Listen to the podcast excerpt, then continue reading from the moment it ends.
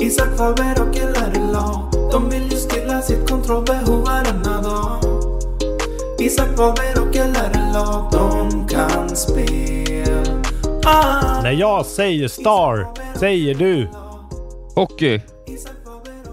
Nej! Nej. Field! Ja, vara. okej. Fan. Välkomna hörni till Kontrollbehov. Vilken härlig fredagmorgon vi har här ändå. Isak Wahlberg är på andra sidan tråden. Hur mår du? Ja, men jag är här eh, och jag mår eh, bra. Jag är här och mår bra. Så det är ett fint sätt att sammanfatta det. Nej, men det, det känns gött. Jag, eh, jag är inne i en fin... Jag har reflekterat över mitt spelande och känner att jag är inne i en härlig period där jag använder spelandet som avkoppling. Det har gått i olika faser. Ibland har man spelat eh, mycket för att man känt att man behövt. Ibland har man spelat lite för att man eh, inte har eh, på något sätt ja, kunnat eller sådär, eller bara velat hänga med i svängen utan att testa allting. Nu känner jag att jag är i en härlig period av att bara njutspela, som det var väldigt länge sedan jag kände att jag hade. Så det är fint. Man kan ju också tillägga att det antagligen är för att du spelar ett av de bästa spelen du någonsin har spelat, eller? Eh, ja, det kan det ju vara Ja. att det är det som gör det, Och, och att det har lite av en påverkan på ens liv när det där händer. Ja, men precis. Nej, men det blir väldigt uh, gött såklart. Eh, jag är Mm. lite så säg inte det här till min tjej, men jag hoppas ju, jag hade ju önskat att hon typ åkte iväg en helg. Eh, Så. inte för att jag inte vill vara med henne, men bara för att jag vill spela tv-spel. Ska inte alla bara leta upp Isaks eh, flickvän på någon sorts sociala medier och hinta om det här? Att så här Åk iväg. Isak har en grej han vill göra. Ja men det kan, kanske inte jag så här, bjuder henne och hennes mamma på spahelg eller någonting. Det behöver ni. Just det. Åk iväg till Yasuragi. Bara gör Ja, det. precis. Ta hand om er själva. Ja. Ni behöver det. Ja. Eh, ja men kul. Men vi ska inte prata om spa och eh, att lura iväg olika kvinnor till olika locations. Nej. Utan vi ska ju prata om tv-spel i den här podden. Och tv-spel, Isak Wahlberg. De har kommit en riktigt lång väg. Det är inte bara Pac-Man längre. Eller hur, Lars Robin Larsson Asp? Nej, precis. Och eh, jag vet inte om vi sa det. Det här är Kontrollbehov. En svensk podd med karaktär. Ja. Och blir ni inte Patreons innan jul så kommer vi döda någon. Eh, vem som helst. Ja, vem som Eh, helst. Det blir ju på, blir det. på random sådär, men det kommer ju att ske. Eh, och ja, Det blir en random encounter IRL, så att Precis. säga, för någon i samhället. och ni vet eh, att eh. Kontrollbehov är årets julklapp. I år, precis som alla tidigare år. Just det. Eh, ja, vi har ju lite, lite, vi är lite on a schedule till dig, så vi kanske bara ska bränna rakt in i nyhetsveckans famn. Ja, men vi gör det för att ju fortare vi kan göra klart det här, ju fortare kan jag börja jobba och ju fortare jag kan börja jobba, ju fortare kan jag bli klar med att jobba och ju fortare jag kan bli klar med att jobba, ja, då kan jag få spela Baldur's Gate 3 lite snabbare. Så att, eh, Som i en liten twist också är att jobba. Vilket liv alltså. Just det, precis. Det ljuva, ljuva livet. Eh, ja, men nu är det ju på det där sättet att jag ju spelat så pass, om man skulle räkna det som jobb så skulle ju, det var, då är det ju väldigt olönsamt för mig att spela så mycket Baldur's Gate som jag gör. Men eh, Ja, okej. gungor och karuseller, som mitt aktiebolag heter, man kan inte göra vinst på allt. Nyheter, det har faktiskt hänt eh, ganska mycket Ja, väldigt sen vi mycket pratade sist. senaste liksom, du vet, jag, jag klippte ihop typ alla mina nyheter från igår i princip. Alltså det var väldigt mycket som Mm. hände under gårdagen och i förrgår och sådär. Men ja, det finns lite sköj. Vill vill du börja om... Men- Ska vi se om vi har plockat upp samma sak som veckans största nyhet? Ja, men veckans största nyhet måste väl ändå vara eh, att folk har fått eh, talla och titta på Switchens uppföljare, eller? Just så. Det håller jag med om. Eh, och det är alltså, det här är ju liksom under NDA från alla. Alltså det handlar om Gamescom som eh, har varit igång. Det är väl därför allt kommer nu, för typ folk har stängt det kapitlet och börjat rapportera om det. Jag antar det. Men det är i alla fall både Eurogamer och VGC som rapporterar att developers were shown tech demos uh, demonstrating the system's capability at the show. According to their sources, one of these demos was an enhanced version of Breath of the Wild running at higher frame rates and resolutions. Ja. Wow. Men även då att de har sett den här då, om vi kallar den Switch 2, vilken den säkert inte kommer heta. Den kommer väl heta Switcheroo eller någonting. Eh, men en har sagt att de även har sett då den här The Matrix Awakens tech-demon som vi såg för kanske ett, ett och ett halvt år sedan. Som är liksom Unreal Engine 5, Nvidias, eller Epics är det ju, men eh, det är ju liksom deras Unreal eh, demo. Där den även då an, sägs att Switchen, Switch 2 använder Nvidia DLSS. Ja, precis. Och Ray Tracing. Så, och att det ska se ut någonstans i, i samma ballpark som PS5 och Series X. Ja. Väldigt stora ord. Jag vet inte riktigt hur mycket jag tror på den grejen. Men Ja, jag vet inte, det är ju... att man har... så- Zelda i 4K kan jag ju tänka mig att man har fått se, kanske. Ja, jag vet inte. Jag tycker väl samtidigt att visst, det låter ju lite otroligt just nu. Samtidigt så ligger de ju, eh, med beräknat släpp om ett år, ligger de väl halvvägs, ett halv, en halv konsolgeneration bakom konkurrenterna och kanske att komponentkostnader har gått ner så pass mycket då att man kan liksom producera ett någorlunda enklare och billigare system eh, med samma specs liksom.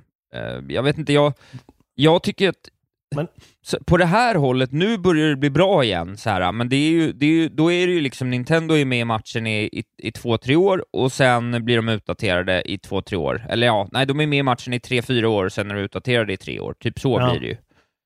Eh, Men jag menar, det handlar ju när man säger att så här, visuals comparable to Playstation 5 och Series X, och det är ju, den bumpen var ju viktig såklart med det, det visuella och den var ju faktiskt synbar på de här nya konsolerna, men framförallt så var det ju laddtider som var grejen på de nya systemen.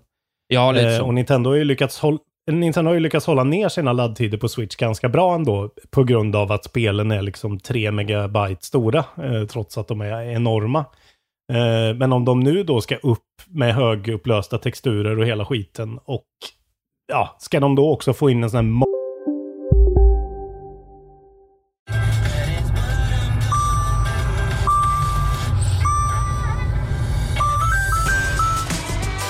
Dags att fylla på tanken. Stanna på Circle K så får du 50 öre rabatt per liter på dina tre första tankningar när du blir medlem. Vi ses på Circle K i sommar.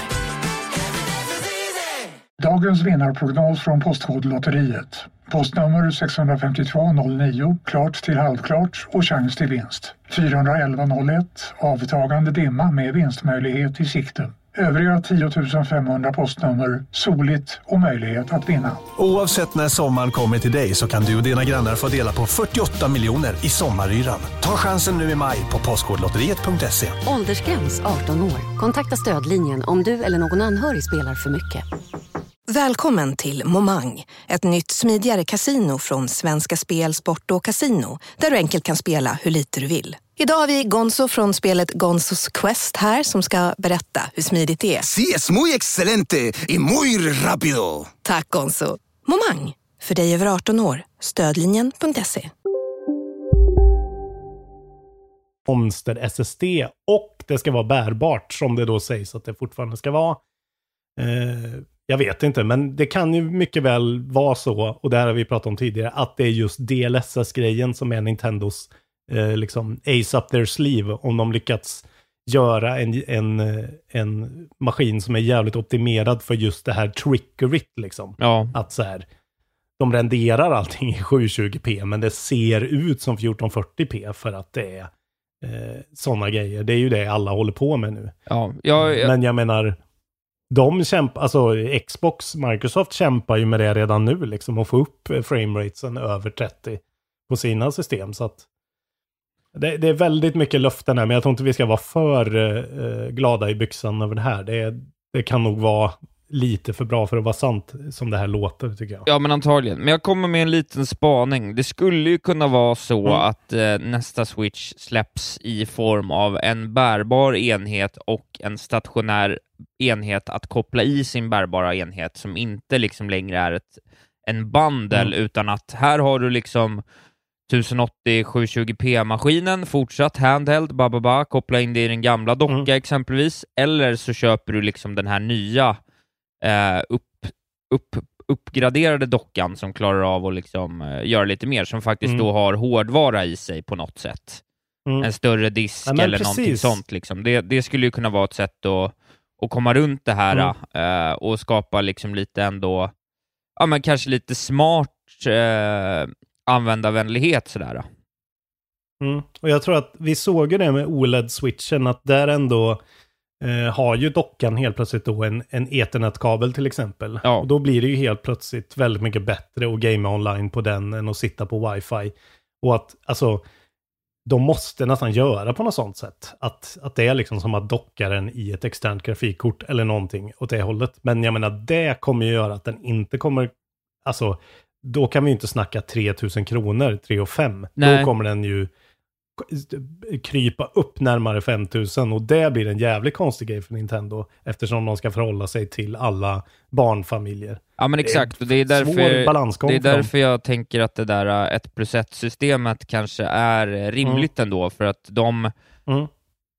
de eh, vill ju... Att man kan välja liksom menar du? Att, att det finns en billigare variant och sen så finns det en bundle med Ja exakt. som faktiskt är för gamers som kostar 5000. Exakt. Det Ja, är kanske. min lilla spaning, att det potentiellt skulle kunna bli så. Eh, för att jag fattar inte Ja. hur de ska få till det annars. branding men Nej, men jag förstår inte hur de ska få till Nej, det inte jag annars.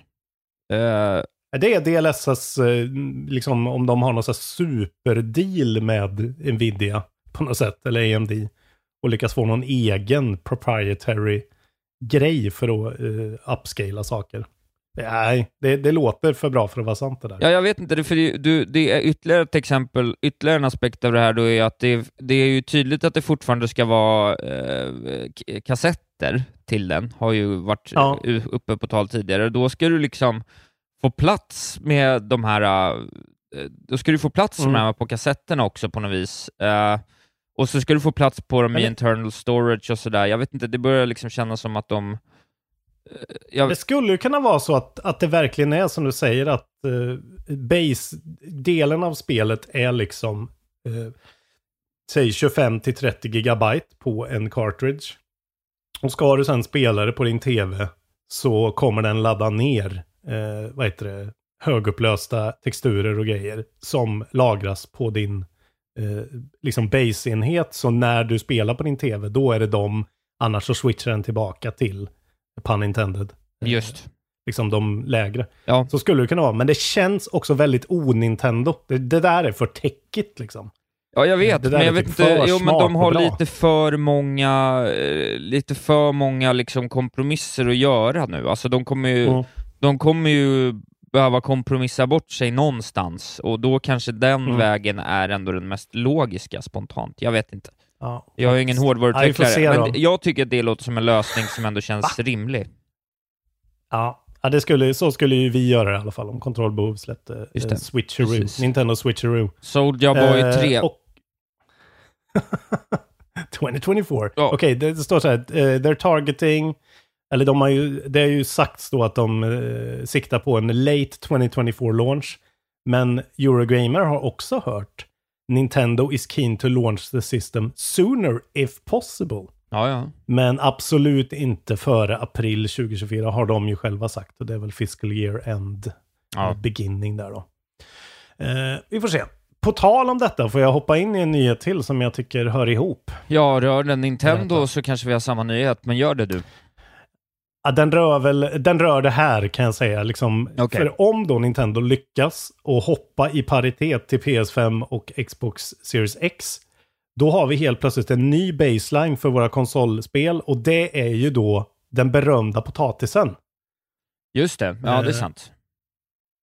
Alltså Xbox Series S som nu, eh, det, det händer grejer i den här grejen. Vi har ju pratat om det här sen de här två konsolerna släpptes, att eh, Nintendo, eller Xbox hela grej är att de ska vara liksom exakta kopior, alla spel av varandra med olika upplösning och eh, frame rates liksom. Ja. Och att det ska, det ska bara vara att switcha emellan. Och jag gör ju det när jag åker till landet så har jag en Series S. Och det har funkat skitbra för mig. Men nu är det ju så att det här förbannade Baldur's Gate kommer och sätter käppar i hjulet för Xbox Ja. i och med det här. För de erbjuder eh, split screen co-op på eh, Playstation 5. Och det är ju väldigt viktigt då att eh, även Series X och PS5, de ska vara så här feature parity. Har Microsoft bestämt om man ska få släppa spel med dem. Ja. Så ett spel får inte vara märkbart bättre på PS5 än på Xbox. Eh, Men samtidigt måste det vara exakt likadant på Xbox Series X och Series S. Just. Vilket gör, och, och Series S klarar inte den här split screen co-open och det är därför inte eh, Baldur's Gate 3 är på Xboxen. Det är det som har hållit tillbaka det tydligen. Ja. Men nu har ju då Phil varit på Gamescom och träffat då, eh, han heter ju då Sven Winke, som eh, är någon snubbe på Larian. Jag antar att han är highest eh, boss där. Ja. Tydligen så har Microsoft hållit på med dem och jobbat med dem väldigt länge. Eh, och till och med liksom draftat egna en ingenjörer som har försökt hjälpa Larian att lösa det här problemet. Att få igång crossplayen split screen på Series S. Men hur fan Men inte ska det lyckats. gå? Nej, precis.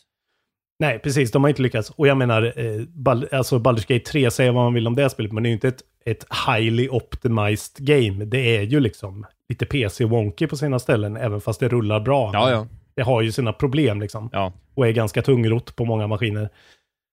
Men nu är det så att Phil har gått med på att det är då olika versioner. De kommer släppa det innan året är slut, säger de, Baldur's Gate 3. Och på Series S så kommer det inte finnas split screen co-op.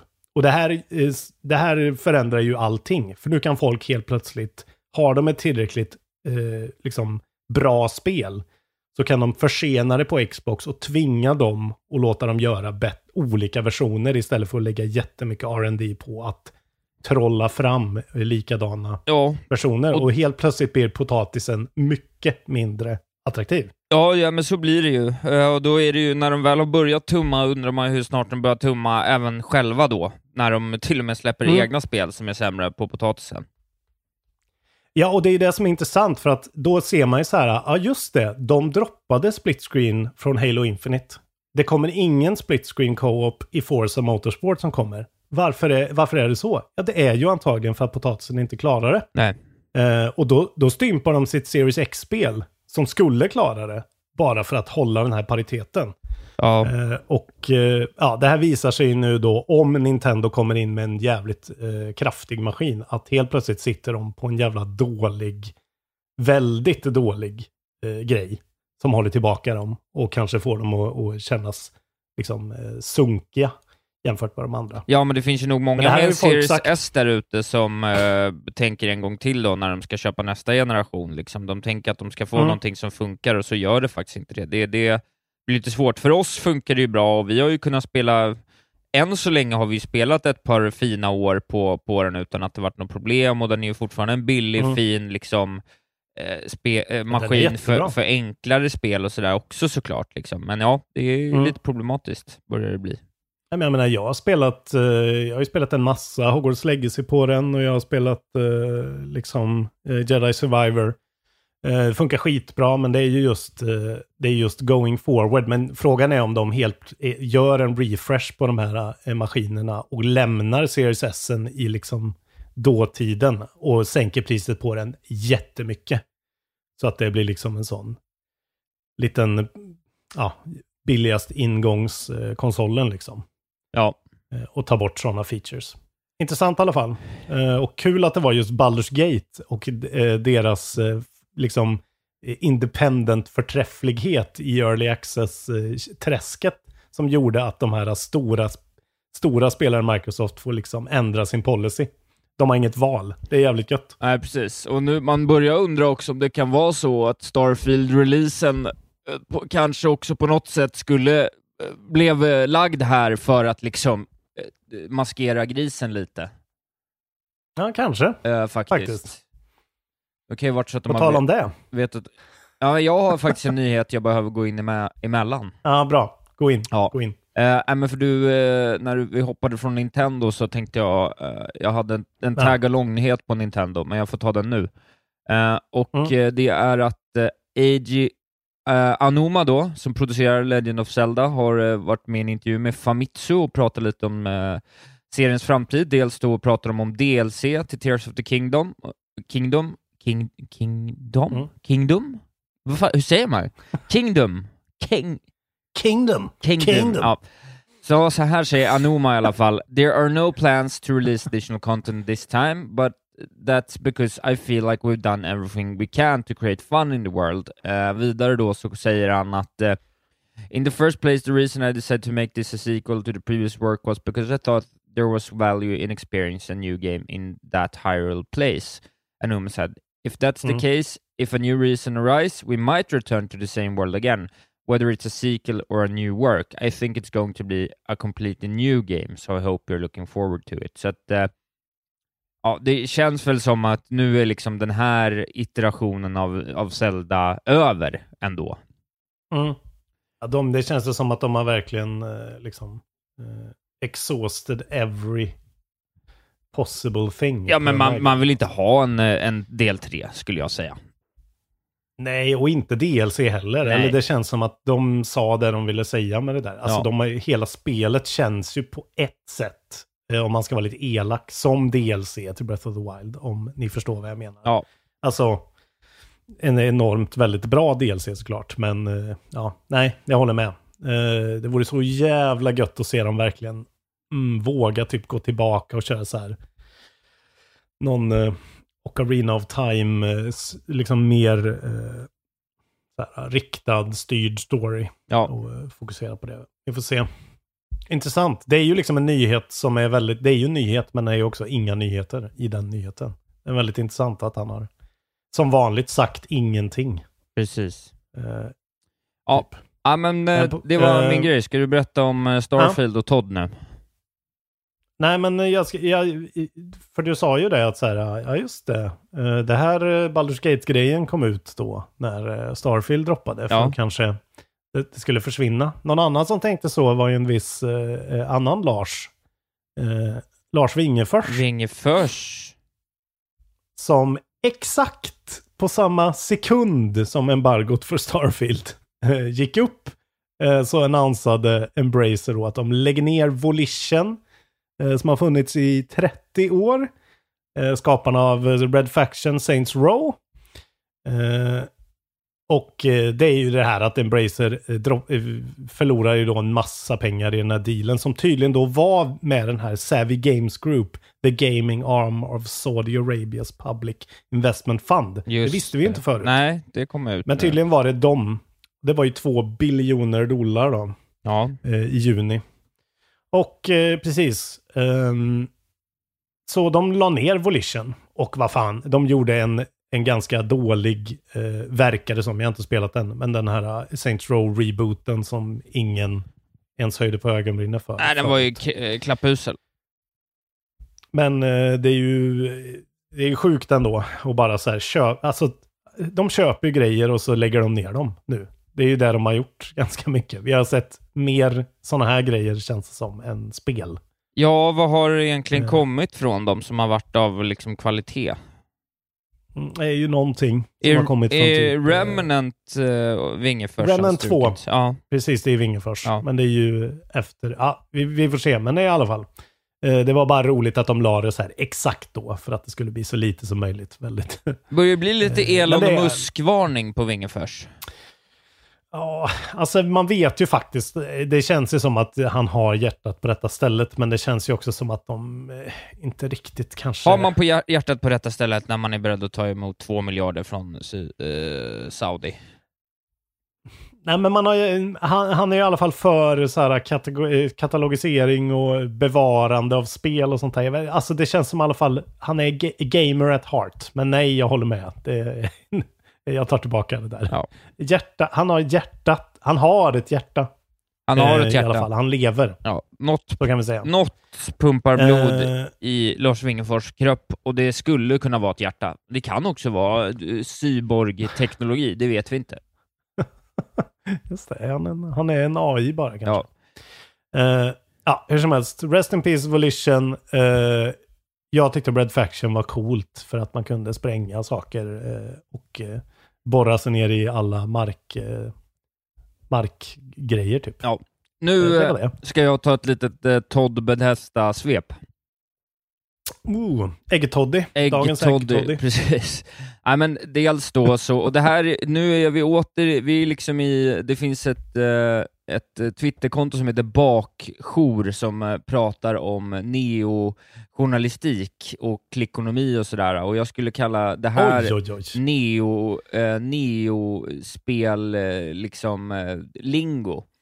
Eh, för att Starfield eh, har ju då gått ut med ett rekord, att det är den största eh, Bethesda Game Launchen of All Times, och då så Mm. skriver de så här. As of this morning, Starfield has already surpassed 6 million players, making it the biggest Bethesda game launch of all time. Mm. Eh, Men i dollar sales. Exakt.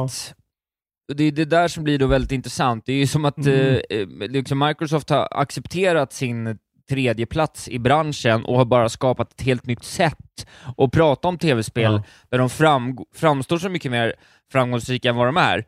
För sanningen är ju, av de där Mm. sex miljonerna så måste väl ändå goda fem miljoner vara folk som betalar 135 kronor i månaden eh, för sitt Game Pass. Alltså det är ju inte...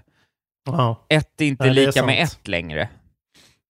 Men frågan är, summor, det vore ju intressant att se summorna, för jag tror att väldigt många av dem som köper då hela till exempel Ultimate Edition eller vad fan det kan vara, Ja. också eh, är Game Pass subscribers på samma gång. Eh, Jo, men så då kanske blir det det ännu mer pengar in där. Ja, nej men eh, intressant. Nej men det är klart att det Eh, finns men det något, ju alltså visst, om, om det är 6 miljoner och en miljon köper det, så, Mm. eh, som också har Game Pass, då sprider det ut graserna lite. Men det hade ju varit bättre Mm. att sälja 3 miljoner än att ha Ja. 6 miljoner Game Pass-användare. Ja, det är bara, det är bara ett intressant, det- det är bara intressant. Det är ju Playstations matematik det där liksom. Det är ju Precis. så. Det är Det är klart att de tjänar mer på det.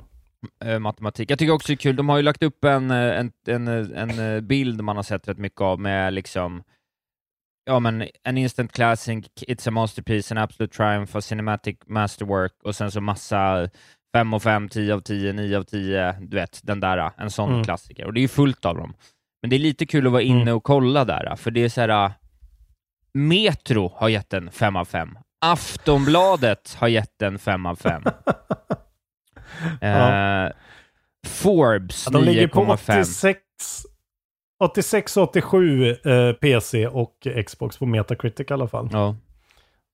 Men Så eh, ja, det ser vi. roligt att uh, IGN ändå var så tuffa vid det här tillfället. Jag skulle säga att det här är ett spel... Jag tror så här, jag har ju fortfarande inte rört det ännu. Jag skulle säga att det känns allt mer och mer som att det här är ett spel för helt vanliga gamers som gillar att spela spel. Och sen så... eh, för- Påminner mig om ett annat släpp de gjorde, eh, Skyrim. Ja, Ett sånt spel ja, kanske men. Exakt. Medans liksom ett eh, för finsmakare och elitister, om man väljer att kalla det det, så liksom kräver man någon slags Disco Elysium-djup av ett sånt här spel för att det ens ska eh, anses Mm. som eh, bra. Men jag vet inte, alltså jag tyckte ju, jag tyckte ju Cyberpunk var kanon, så att jag, vet inte vad, jag vet inte hur stor skillnad det kan vara på det här och Cyberpunk egentligen. Det ska bli intressant att se när jag vi- tar mig an det. Det ska vi prata om. Ja, eh, Precis. Men Jag kan fortsätta lite snabbt, för Todd Howard har ju varit ute och pratat mycket. Han är ju mannen på alla släppar nu för tiden. Mm. Eh, och då eh, pratar han då om eh, eh, in det här Indiana Jones-spelet.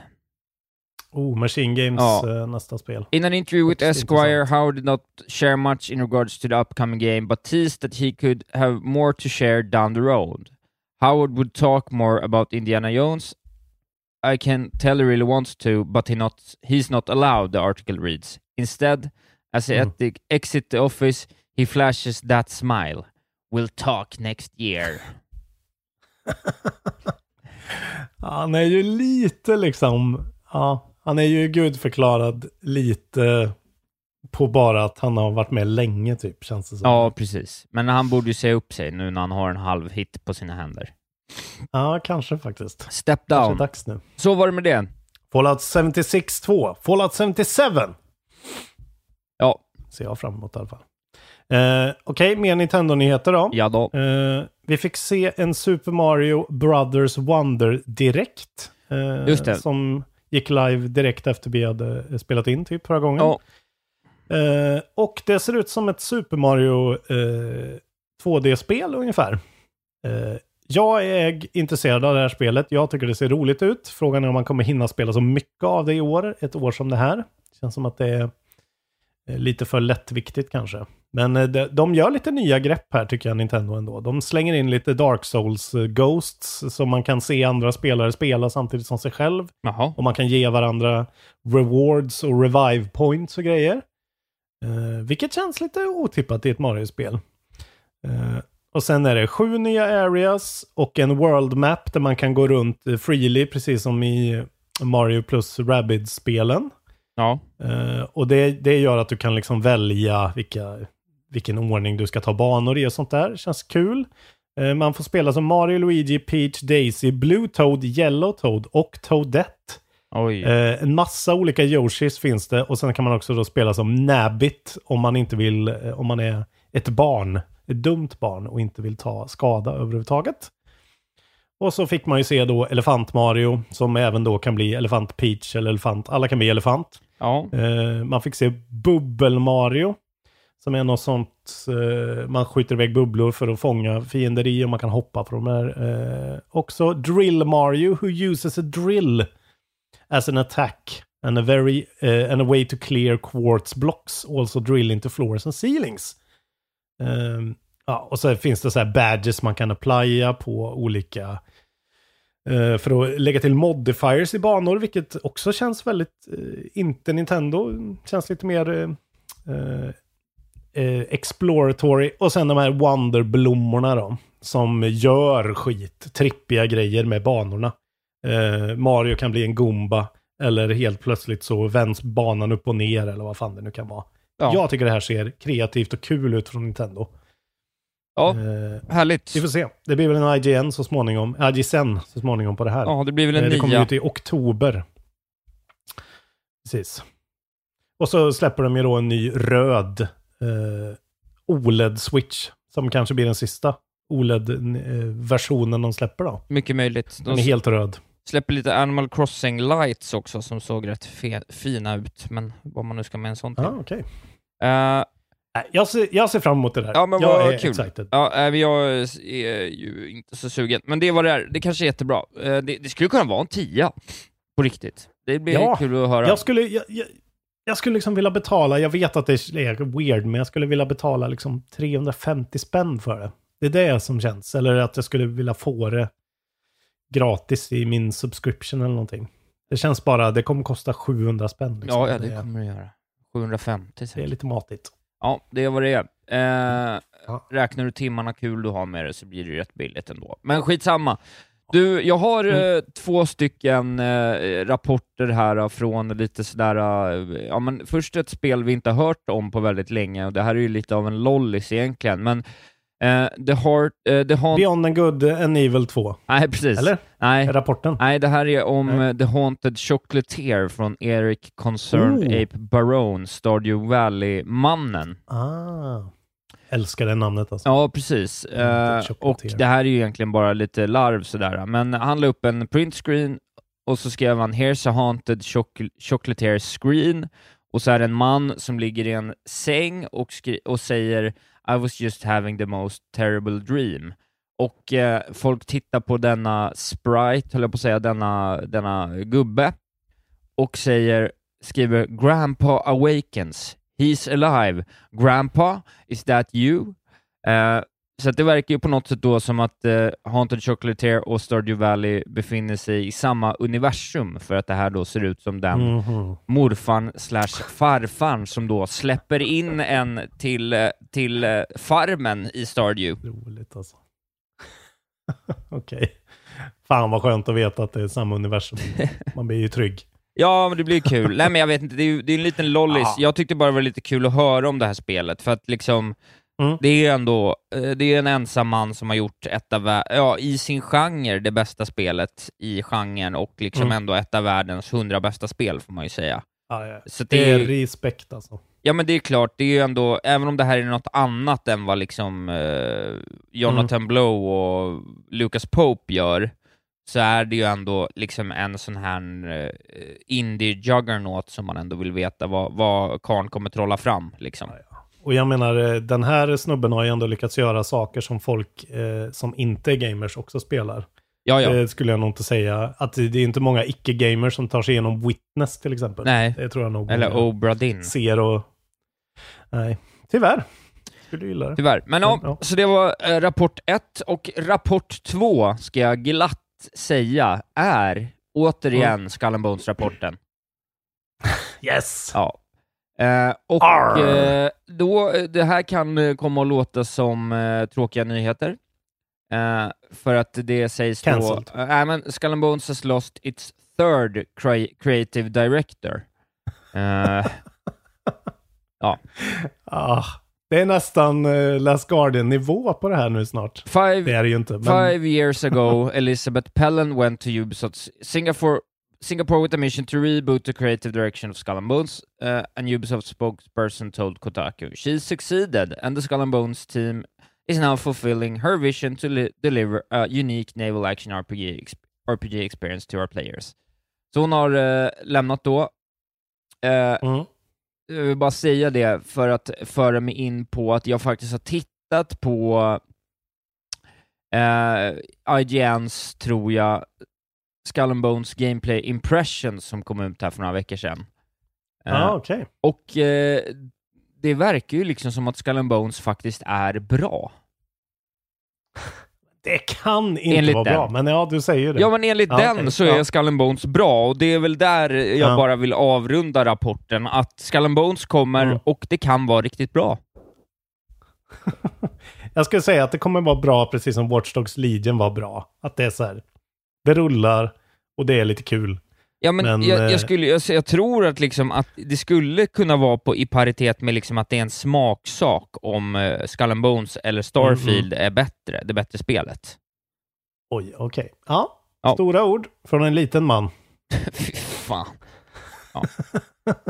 Nej då. Ja, jag, Eh, jag har nej, bara en lollis kvar nu. Ja, jag, jag har en liten sån eh, in, i- information här och bara. Förlåt att jag kallar det för en liten man. Nej, det Vi är ju ju- typ lika långa. Det säger mycket om dig. Eh, ska vi se, Final Fantasy 16 då, det har ju varit lite fram och tillbaka. Kommer det till PC eller inte? Men nu har då producenten Naoki Yoshida eh, varit ute och sagt att dels så kommer det DLC eh, och dels så kommer det till PC. Och det är PAX West som tydligen, han har haft någon panel där. Eh, där de har spelat upp ett lite kort video från honom. Ja. Eh, De, de börjar jobba på två, eh, two installments of paid DLC. Och sen så säger han då eh, officially announcement of the development of a PC version. Eh, ja, precis. Och eh, please be excited and stay tuned. De har ju inga datum eller någonting.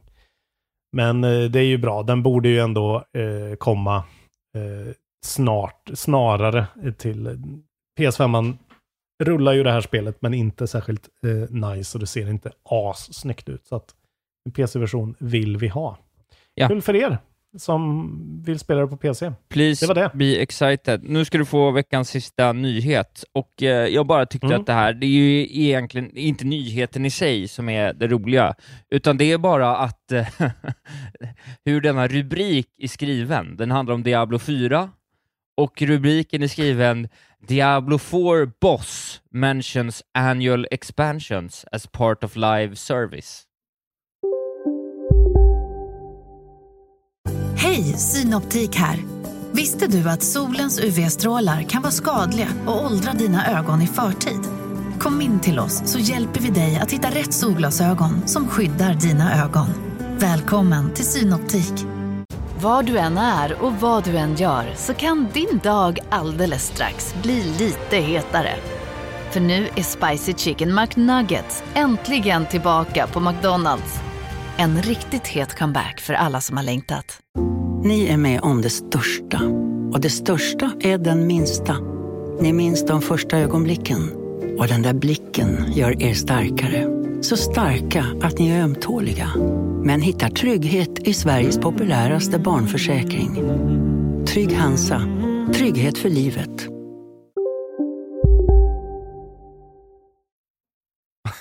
Okej. Alltså, ja, det var kul. Ja, jag bara tyckte det var roligt att det är så här, Sista bossen. Ja, exakt. Sista bossen bara Mm. Oh, so you come to my domain. Well, let me tell you about annual expansions as part of our live service for Diablo 4. Fan, den grejen används alldeles för sällan i tv-spelssammanhang. Att man inte har hört det varje dag. Att folk säger att the boss. Ja, Ja, dels det, men också Kul. att man inte använt spelet för att prata om spelet mer. Det känns ju som en Hideo. Kojima-grej. Det har varit otroligt roligt. Skitsamma. Uh, ja, it's, jag kan dra nyheten bara för, för att då. Mm. It sounds like Diablo 4 is set for annual expansions based on comments from its chief developer. In an interview with Dexter, Diablo 4 boss Rod Ferguson mentioned quarterly seasons and annual expansion as the focus for the action role-playing game's live service. When you look at the launch of the game and the first season, we see that we see that as building a foundation on which we can build for the future, Ferguson said. So as we look at our quarterly season and we look to our annual expansions, those are the things that we really focused on for our live service. Ja, lite nyheter om man gillar Diablo 4, ett spel som eh, låg ju helt rätt i sin positionering för att eh, landa in i Ja. goda betyg. Vi kommer hoppa över pinnen idag, för det finns inget idag. Nähä. Idag var en ganska tom dag och vi har lite dåligt med tid. Då noterar jag att vi alltid ska podda 8 september. och eh, tidigt på morgonen. Och- Så vi inte har så mycket tid. Ja. Eh, men släppen då kan man i alla fall gå igenom. Idag är det som sagt åttonde. Idag kommer NBA 2K24 ut Oj, till gott. allt. Eh, in, ja, till och med Xbox One och Windows och Switch och allting. Eh, sports från Visual Concepts då och 2K. Ehm, och den 12 kommer Mythforce ut. Just det. Har inte du hållit, hållit ett öga på Mythforce? Jo, det är det här uh, 90s cartoonish-spelet som vi har uh, tagit Precis, rakt det- av från pressmaterialet. Ja men så här, första persons, eh, något sorts combat eh, och så ser det ut som, precis som du säger, eh, gamla eh, tecknade serier. Ser coolt ut ändå. Vi är, ju, dåligt, vi det- är ju någon slags känslan av 90-tals revival nu, även om mycket Ja, det man liksom förknippar med 90-talsgrejer är ju 2000, alltså 2000-talsgrejer, men liksom Diablo känns ju 90-tal, Baldur's Gate känns Mm. 90-tal, det här är 90-tal. Det, Mm. det, är, det är en intressant, Ja, det är eh, det är intressant det där hur eh, Mm. jag vidhåller min, eh, min gamla tes från när vi intervjuade Victor Leijonhufvud om, eh, om eh, fan hette spelet då? Risk of Rain hette det inte, det hette ju något sånt, Rain. Eh, det hette, eh, ah fuck. Ja, han spelar. Ja, nej men att det här... Rain World Risk. Någonting, någonting. Men, nej men det här med att liksom i takt, alltså att det liksom, nu har vi kommit på något sätt till någon ny liksom tid där en, en utvecklare i en viss ålder med en viss nostalgi liksom vill göra spel som påminner dem om varför de börjar spela på något vis. Och nu är det Mm. vi eh, äldre 90-talister som sitter och styr skutorna och då blir det så här. Exakt. Rain of Reflections heter det. Rain of Reflections heter det. Ja. Kul. Det kommer, Mythforce kommer i alla fall ut till Windows, Switch, PS4, PS5, Xbox One och Series X och S. Det är alltså action role-playing står det som. Från Ja. Beamdog och Aspyr. Ja. Och sen då, dagen efter, 13, då kommer uppföljaren till Switchens absolut sämsta spel. Just. Super Bomberman R2 kommer ut då. Ja. Eh, Windows, Switch, PS4, PS5, Xbox One och Series X och S. Action från Hexadrive och Konami. De jävlarna, fy fan vad dåligt det första spelet är alltså. Ja, ja. Där blev jag lurad på pengar. Eh, 14 kommer Crew, The Crew Motorfest ut. Eh, Windows, PS4, PS5, Xbox One Series X och S. Racing från Ubisoft Ivory Tower och Nice. Ubisoft som publisher. Och samma dag då, då eh, vi ska ju köpa Niantic så småningom, men nu, eh, det kommer bli dyrare då, för nu släpper de Monster Hunter Now till iOS och Android. Action Role Playing säger de att det är, eh, från Niantic och Capcom då. Eh, det är alltså Pokémon Go fast Monster Hunter. Kommer att bli enormt i Japan antagligen. Ja. Och eh, vi får väl se, det kanske tar sig över hit och så blir Monster Hunter eh, nya Pokémon. Just det. Hoppas, hoppas. Vi får väl redovisa då eh, IGSenen som vi hade förra veckan, eh, som gick ut då. Eh, ingen trodde ju att IGN skulle ge sju till Starfield. Ingen Eh, alls. Du trodde nio. Ingen av oss. Eh, nia sa du, tia sa jag, nia sa gruppen. Eh, Ja, men några galningar trodde väl att det skulle bli en sjua. Ja, okej, det var ju någon, men jag vill inte... Okej, ska vi credita dem då? Ja, men jag, ge dem det. Eh, Ge dem det. eh, jag måste bara leta upp det då. Du får, Da, du får berätta en anekdot från ditt hektiska liv. Okej, da, nu har jag kommit fram till den. Ja. Eh, på sjua, hur ser jag vilka som har röstat där? Ska vi se, där kanske. Ja. Eh, 6 procent, 10 pers, Vladde Billy, Tobias Berg, Viktor Håkansson, Fredrik Högborg, Rasmus Grantén, Nils Eklund, Robin Hans Alexander, Kristoffer Hellgren, Kristoffer Johansson och Erik Sunnanvik. Ja. Eh, Well played. good call, gentlemen. Ja, det var snyggt av er. Eh, jag vill också göra en shoutout till Josef eh, Logren och Erik Fritzl, Olsson. trodde jag skulle säga. eh, som både, eh, båda två eh, hoppades på en etta. Ja, det är snyggt. Det blev det inte. Playstation Eh, fanboys. Just det, och vi, det kommer upp här i dagarna så kommer vi ha en Lies of P eh, också. Du och jag har redan gissat på den. Du gissade åtta, jag gissade sju. Får vi se. Då blir det väl säkert en nia bara för det. Fan, varför gissar vi på åtta och sju? Det var Ja, ju fel. jättedumt. Så det var ju dumt att gissa på sju. Så kan det gå. 8-9 skulle vi gissat på. Jag ligger rätt, Så kan du det gå. ligger fel. Men du är ju Det kommer vara en nia, det ser svinbra ut. du är jättedålig på IGSN. Så det är ju därför. Nej, verkligen jättedålig. Ja. Men det är mitt koncept i alla fall. Så att, eh, fuck you. Du har bara Baldur's Gate att prata om som vanligt. Ja, men låt mig prata lite till om Baldur's Gate så får du berätta om Starfield sen, tycker jag. Ja. Ja, nej men jag har ju fortsatt spela då. Det är ju fortsatt svårt att veta exakt hur mycket jag spelat, men jag är ju liksom kanske halvvägs in i akt två, skulle jag tro. Eh, Ja. det, de, eh, ja, har du kommit in i akt två ännu? Eh, nej, det tror jag inte. Jag är liksom... Uh, vart fan är jag? Jag har precis träffat hon som är en stor röd djävul. Jag vet inte om det är... om man kan det träffa henne på lite olika ställen. Ja, ja, och det, ja, jag vet inte. Henne träffar man väl i camp? Ja, man träffar henne ute i världen och sen dyker den upp i ka- Ja, det är liksom det jag kommer ihåg. Alltså, jag är ju inte så långt in. Jaha, Eh, nej, ja, ja, du har träffat inte spelat Carlac menar du? Jag kommer inte ihåg vad hon heter. Jo, ens. hon som eh, The Blade of Frontiers jagar, Will. Ja, exakt. Ja, ja, okej. det ja, kanske man kan är- träffa när som helst. Ja, då är du tidigt i spelet fortfarande. Ja, men jag är rätt tidigt Ja. liksom. Jag har spelat eh, ett nytt spel som har kommit ut. Ja, precis. Inte något som har varit ute i Early Access i tre år. Nej, nej. Ja, nej, men jag i alla fall fortsatt. Jag kommer en bra, jag börjar komma en bit eh, i akt två, eh, och eh, jag tycker det är Mm. lite intressant, för där byter de ju då från en traditionell liksom, fantasy-setting till en mycket mer mörk liksom, värld, corrupted sh- of the shadow curse. Och jag brukar generellt ha lite problem med sånt. Jag tycker att den typen av setting inte är så rolig. Eh, men jag tycker att de lyckas bra med det. Jag, eh, Mm. ma- Man märker att de har finslipat akt 1 in absurdum och att det på akt 2 blir liksom lite sådär märkbart, alltså bara väldigt lätt men ändå lite sådär, äh, lite mer jank på något vis. Mm.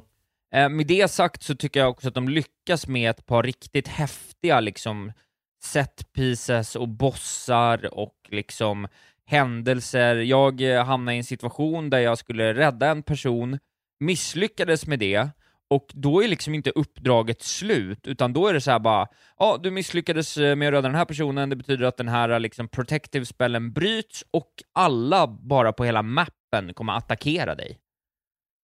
Och jag liksom Okej. var inne i den idiotfighten och var så här: hur fan ska det här funka? Jag bara, hur ska det här gå? För det, för det var liksom gjort Mm. som att det var helt okej att den här äh, personen blev bortrövad, blev hon, inte dödad, men ändå. Att, och jag bara så här, ja ja, men om de har en cutscene för det, då är det liksom tanken att det ska hända. Eh, men så Mm. visade det sig att när jag kunde liksom ta hand om den här första encountern så att hon inte blev bortrövad, och då hände inte det här med att alla attackerar mig.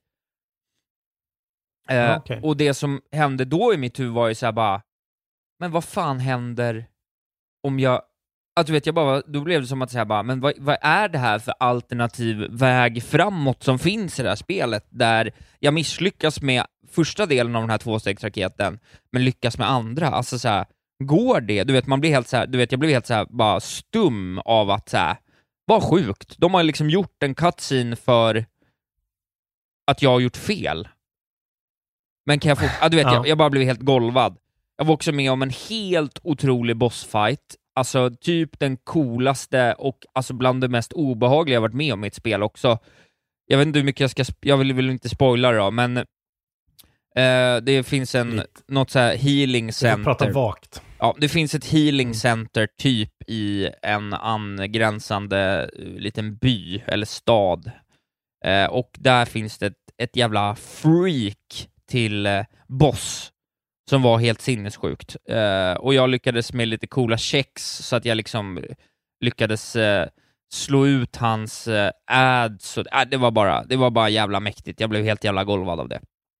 Och det var ett jävligt coolt gött. litet quest med en cool liten liksom Ja, hela... Äh, jag är fortfarande bara hur imponerad som helst. Och så gick jag tillbaks lite, för att nu börjar jag liksom närma mig något slags liksom del två av akt två på något vis. Jag har liksom gjort mycket runt omkring och skulle göra en liten sidogrej, och hela den sidogrejen leder mig till ett helt nytt en helt ny liksom del av kartan som jag inte hade någon aning om fanns.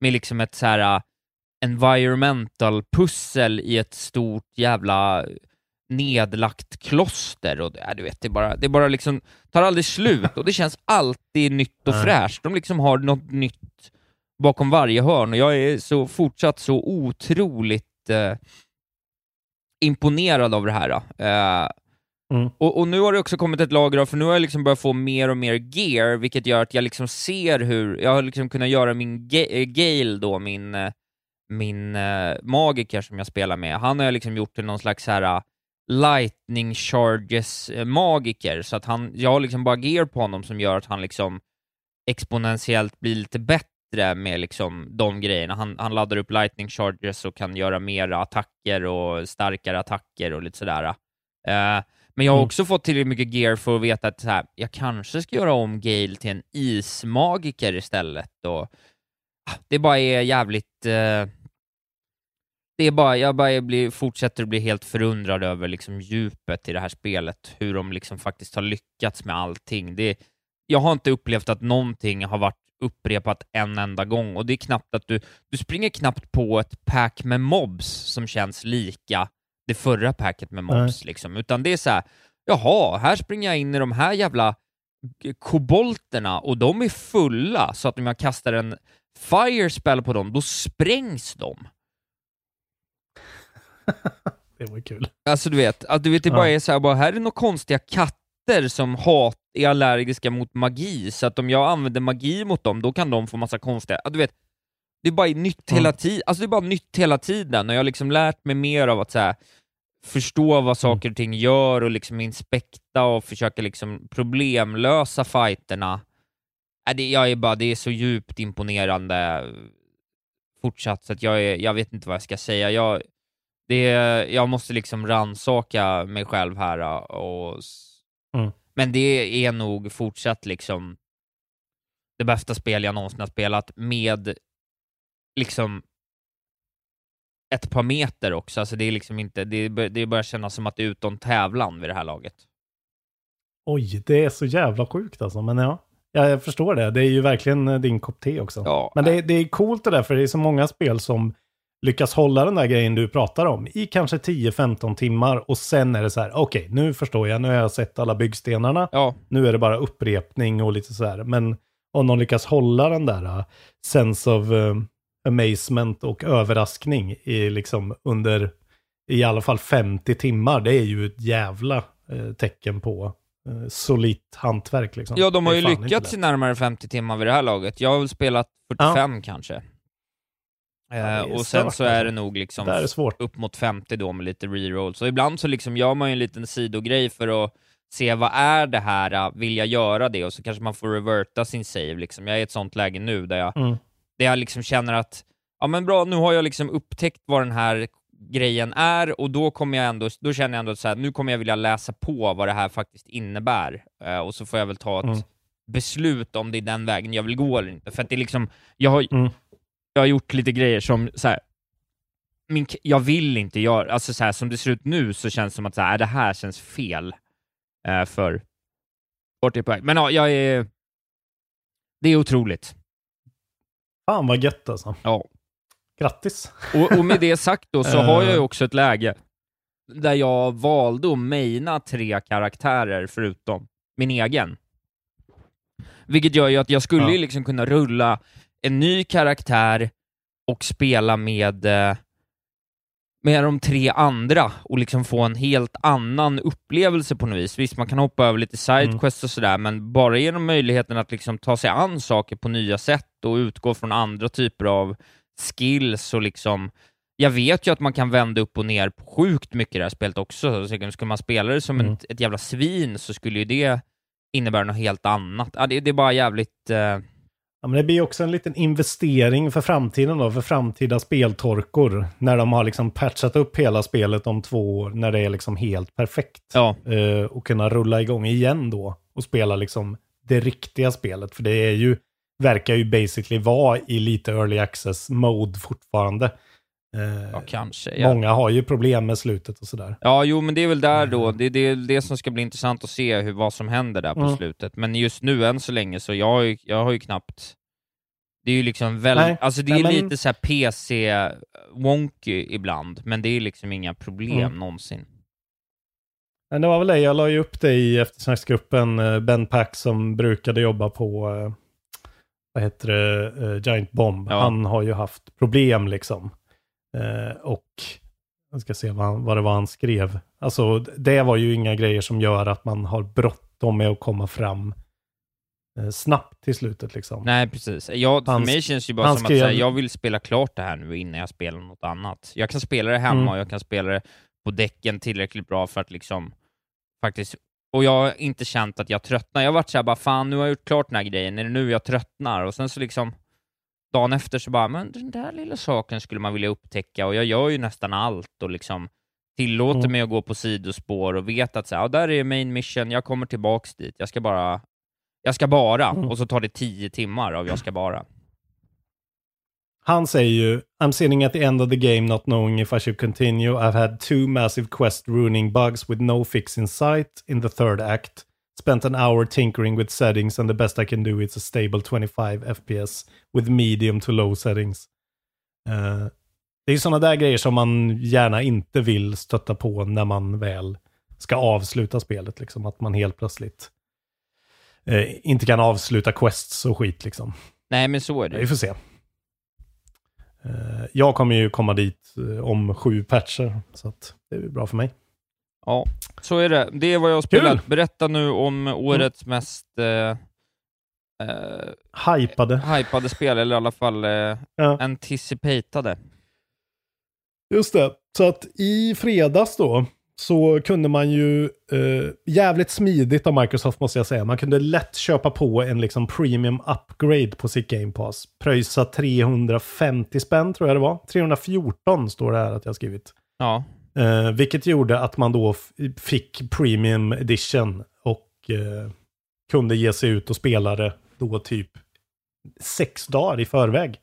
Eh, jag tycker de har skött hela liksom, släppgrejen väldigt snyggt.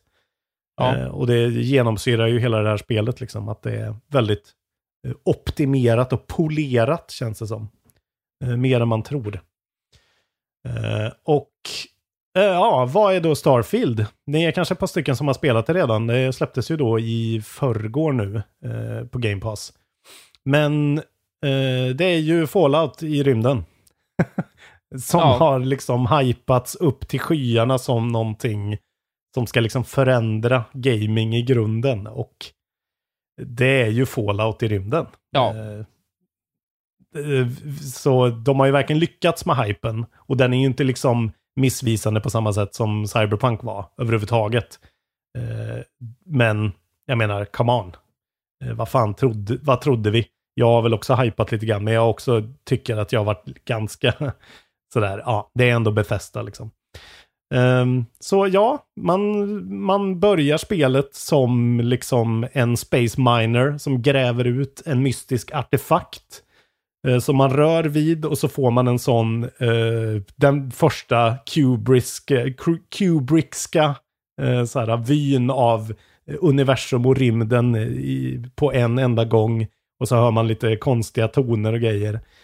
Och sen blir man helt plötsligt då rekryterad av mm, en organisation, en, det är ju inte en faction, men det är ju som en faction man är med i hela tiden. just det. Eh, som heter Constellation, som eh, söker efter de här artefakterna. Eh, och liksom är sådana liksom, eh, Space Explorers, eh, eh, såhär, ragtag team of people som bara vill se what's out there, Ja. typ. Eh, och jag tycker att eh, det de får till är verkligen den premissen och hela den grejen med de artefakterna. Det känns liksom spännande och intressant från början tycker jag. Att liksom, då har de olika så, eh, hittat olika anomalies på olika planeter som man ska åka till och liksom leta efter sådana här uh, mer utan att ens veta egentligen vad det är, de här artefactsen. Så det är liksom lite mystiskt och så, men det är väldigt så.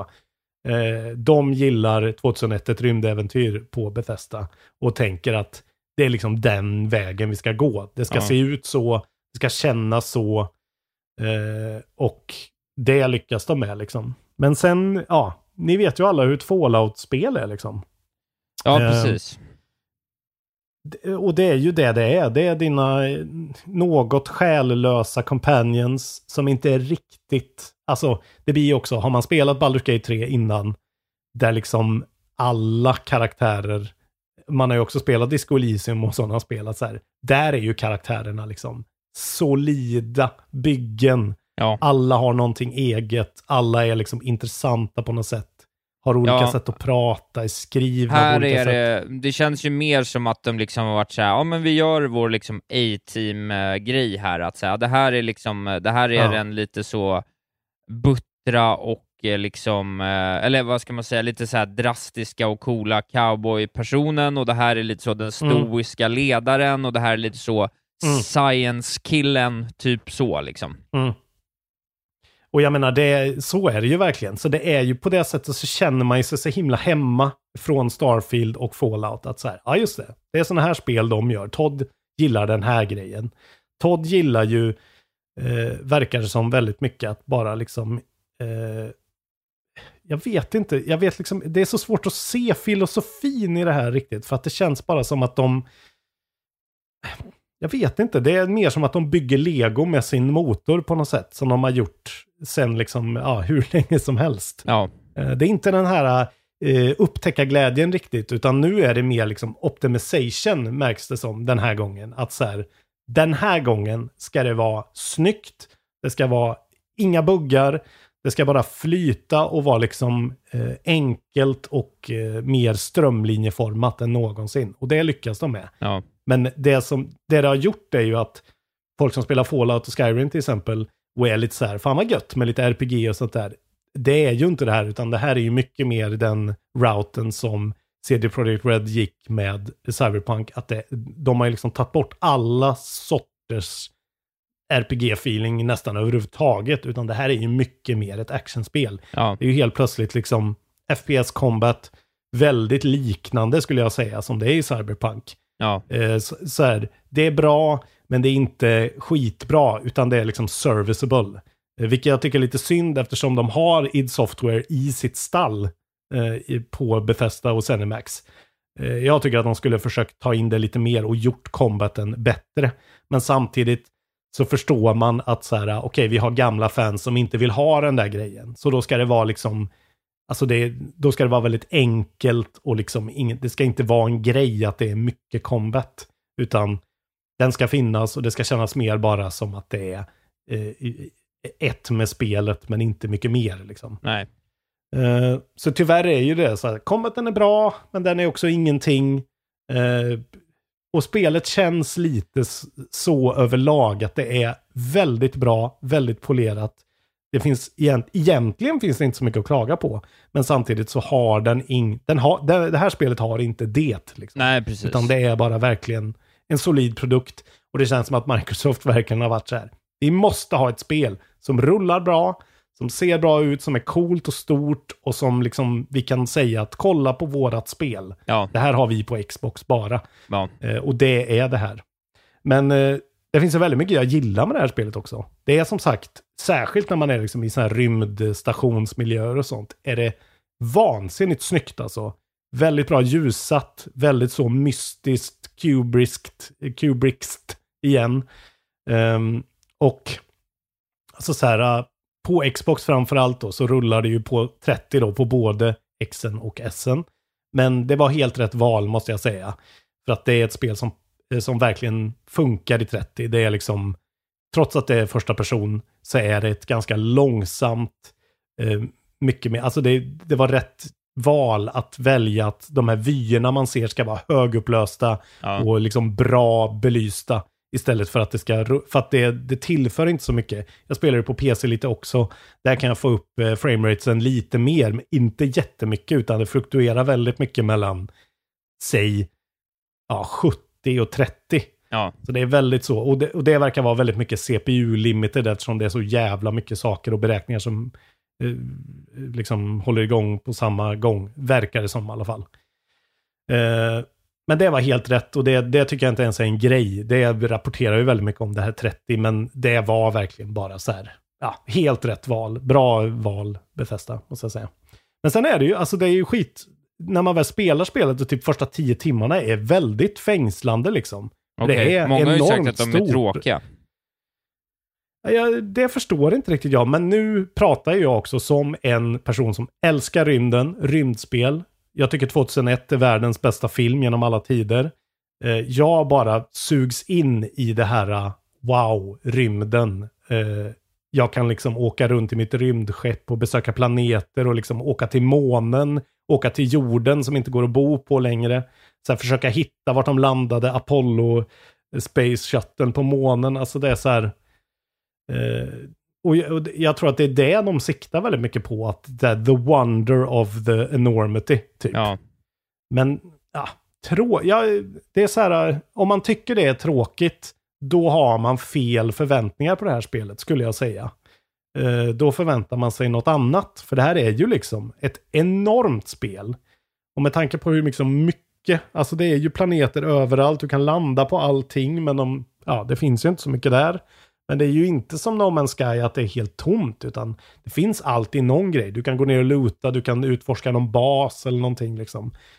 Uh, men man måste ju gilla den grejen kan jag tänka mig. Men sen är det ju bara, följ questlines uh, i Fallout-stil, träffa folk och sen då efter 20 timmar ungefär, då öppnar det upp sig på ett annat sätt för då händer en grej som de håller på alldeles för länge skulle jag säga. Ja. Eh, men då fattar man så här, okej, det här är liksom det som är lite uspen med just Starfield jämfört med deras andra spel. Men eh, det brukar komma liksom fem timmar in i de andra spelen kanske. Ja, okej. Eh, Ja. Eller något sånt där. Men sen är det liksom, de har, det, de har tagit bort liksom humorn i sina spel lite grann. Man tänker på typ Fallout, man går runt, man lyssnar på den här radion hela tiden och den här sköna 50-talsmusiken.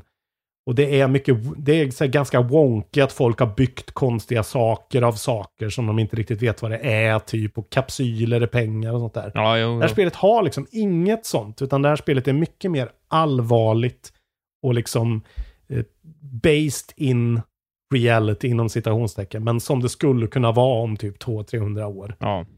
Eh, men samtidigt, du vet, det, det, det har verkligen sina grejer att så här, du blir angripen av, eh, av något skepp när du åker in i någon atmosfär och då måste du helt plötsligt köra ship combat som jag tycker är ganska bra. Den påminner ganska mycket om det här senaste VR Star Wars-spelet eller det där, vad det nu hette. Ja, Rogue Squadron Eh, kanske.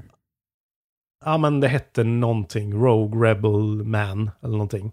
Att du måste liksom, eh, okej, revert all power to thrusters eller shields typ. Och sen så måste du, för att svänga måste du sakta ner lite grann för att få en bättre vinkel på svängen. Och sen liksom, det är lite så fiddly att lära sig, men när man väl lär sig det så eh, det var faktiskt imponerande av att Bethesda lyckades ändå sätta en, en fungerande bra Space Combat.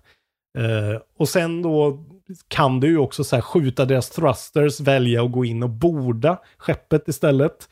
Eh, för att så här eh, då gå in och FPS skjuta alla och då ta över skeppet som då blir ditt skepp. Det är jävligt coolt ändå.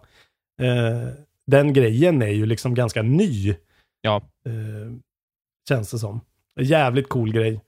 Eh, och sen är det sådär, du vet, jag går på någon rymdstation och så bara så här, råkar jag stjäla en grej. Blir fängslad då, för jag blir påkommen. Eh, och så blir jag då helt plötsligt erbjuden att så här, ah, okej, du kan hamna i fängelse hela ditt liv. Eller så går du undercover in i den här, eh, så här eh, faktionen som är pirater och försöker döda deras ledare. Så nu är jag inne i den subplotten liksom. Att jag gör mina grejer med Constellation samtidigt som jag är undercover i den där grejen. Eh, Så att då får jag helt plötsligt nya conversation options Ja, ja, ja. som gör att jag, ja du vet, vanlig Fallout-grej, men det är liksom på, ett väldigt, på en väldigt stor scale. Att så här, den, för att ta mig till deras bas, så måste jag ha mycket mer eh, fuel än jag har. Jag kan inte hoppa till deras bas än, så jag måste ta mig dit sakta men säkert tills jag levlar upp tillräckligt mycket. Så den pågår liksom hela tiden. Och nu är helt plötsligt alla pirater jag möter inte aggro då, för att jag är en sån new recruit typ. Uh, och sånt där är ju nice. Alltså, men det är bara att Bethesda spel är ju väldigt mycket så, man ser mekaniken direkt. Att så här, okej nu har de flippat switchen, Pirates won't attack. Uh, och, så, och så säger någon någonting, blir då inklippt i en sån. Alla karaktärer står ju bara i sådana eh, headshots och pratar med det liksom som Just vanligt. det. Ja. Ja, så det är liksom stelt men det är samtidigt väldigt bra och väldigt väl eh, polerat. Men en sjua skulle jag inte säga att det är, utan en, i så fall en väldigt stark åtta. Eftersom det ändå är så jävla bra. Alltså det är verkligen bra. Men Ja. det är så här, det är f- li, lite för bra nästan. Det känns som att de tappar sin identitet i och med att de inte har de har liksom ingenting längre. Jag saknar liksom buggarna nästan lite grann. Jaha. För att det var ändå någonting liksom. Ibland är det sådär härligt eh, Bethesda att så här, ah, helt plötsligt är vi på månen och min companion har ingen rymddräkt på sig. Liksom. Sådana där grejer. Jaha. Man gillar ju det alltså. Ja, ja, ja. Men, och det min, min absolut största gripe tycker jag, eller gripe, men det, jag blev så besviken när jag insåg att du, det är ju inte som i No Man's Sky eller eh, Outer Wilds att du kan lyfta med ditt rymdskepp och åka iväg. Nej, utan precis. allt är cutscenes. Liksom. Ja. Det är segmenterat. Det är liksom, och jag fattar ju att det går inte att göra det här spelet på det sättet. Men jag blev ändå besviken på det alltså, för det hade tillfört så jävla mycket den känslan av frihet. För nu blir det mer att man bara hoppar i menyer. Ja, nej precis. Ja. Eh, men det ja, som sagt, och det är liksom, det, är, det här är inte för RPG-nörden, utan det här är liksom cyber, ett cyberpunk actionspel med RPG-element mycket mer. Och så är det bara väldigt stort. Men jag tycker fortfarande väldigt mycket om det. Jag rekommenderar det. Min opinion, eh, jag har ju fortfarande inte spelat det, men jag har ju svängt från att jag skiter nog i det där till att jag nog ändå ska faktiskt ska spela det. Det känns ändå lite gött att det där känns liksom som mitt julprojekt, att uppdatera mig på, Ja. på Starfield. Jag kommer ju få sitta kvar i Baldur's Gate här, eh, antagligen. Mm. Eh, jag kommer spela Baldur's Gate, och sen vill jag spela, jag måste spela Star Wars, och sen vill jag gärna spela, jag vill gärna spela Remnant också. Och sen vill jag egentligen Mm. spela Spider-Man också, så det är ju liksom fyra... s- Det är ju, jag har ju 250 till 300 timmar speltid kvar i år för att liksom... Ja, Jag vet, faktiskt inte hur, jag vet faktiskt inte hur det ska gå riktigt. Men ja, Nej. skitsamma. Och jag borde ju liksom spela klart eh, Zelda också. Uh, Ja, jag skulle säga att det är ju, det är ju bättre att spela 10 timmar eh, Starfield än att spela 10 timmar till Zelda. För din del, Ja, skulle ja. jag ändå säga. jo men så är det ju, men liksom på något sätt så... Jag kanske vill spela Mm. klart Zelda, men jag vet inte. Ja, Zelda får nog ligga kvar som liksom ett sådär uh, plocka upp någon gång Mm. när det bara känns rätt spel. Skitsamma, du? Starfield kommer, jag pu- Starfield kommer puttra i, i många månader för mig. Det kommer bli sånt där jag avslutar om liksom i april nästa år, antar Ja, jag. det är trevligt. Men det är kul. Spela Starfield. Ja, nu ska vi avsluta. Nu ska vi lägga ner. Ja, för att jag håller på Ja. att kissa på mig för att vara eh, Ja. rent eh, krass. Jag måste springa iväg och leverera Disney-guld. Ja, Så att eh, precis. här kan jag inte sitta. Nej, ja, det är Disneyguld jag kallar mitt piss också, så att det är bra. Olika sorters Disney-guld. Olika sorters Disneyguld. Ja. Ja, Bra då. Men då ska ni ju såklart, eh, måste vi påminna om att ni ska ju bli Patreons. Ja. På söndag spelar vi in spoilercasten till Jedi Survivor med eh, Alex Kantsjö och Robin Rönnbäck. Det kommer bli matigt och eh, fan vilket bra spel. Fortfarande Game of the Year skulle jag säga, än så länge för mig. okej. Vilket jävla spel alltså. Oj, oj, oj. Så Ja. bli Patreons, eller fortsätt vara Patreons. Eh, gå med i eftersnacksgruppen. Rösta i den nya Lies of P eh, IG-sänden. Eh, köp en kaffekopp på Podstore. Kuken på er jävla spelpulver.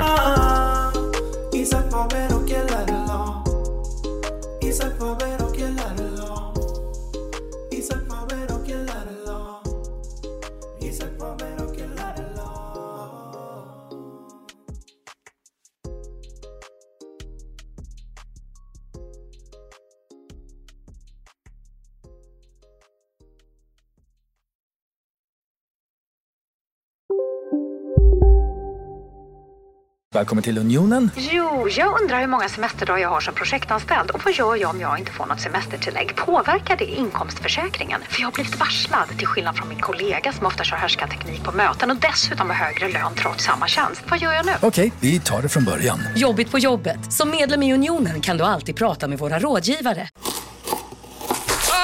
Dåliga vibrationer är att skära av sig tummen i köket. Ja! Bra vibrationer är du har en tumme till och kan scrolla vidare. Alla abonnemang för 20 kronor i månaden i fyra månader. Vimla! Mobiloperatören med bra vibrationer. Ja? Hallå? Pizzeria Grandiosa? Jag vill ha en Grandiosa capriciosa och en pepperoni. Haha, något mer? Mm, kaffefilter. Ja, Okej, okay. ses samma. Grandiosa, hela Sveriges hempizza. Den med mycket på.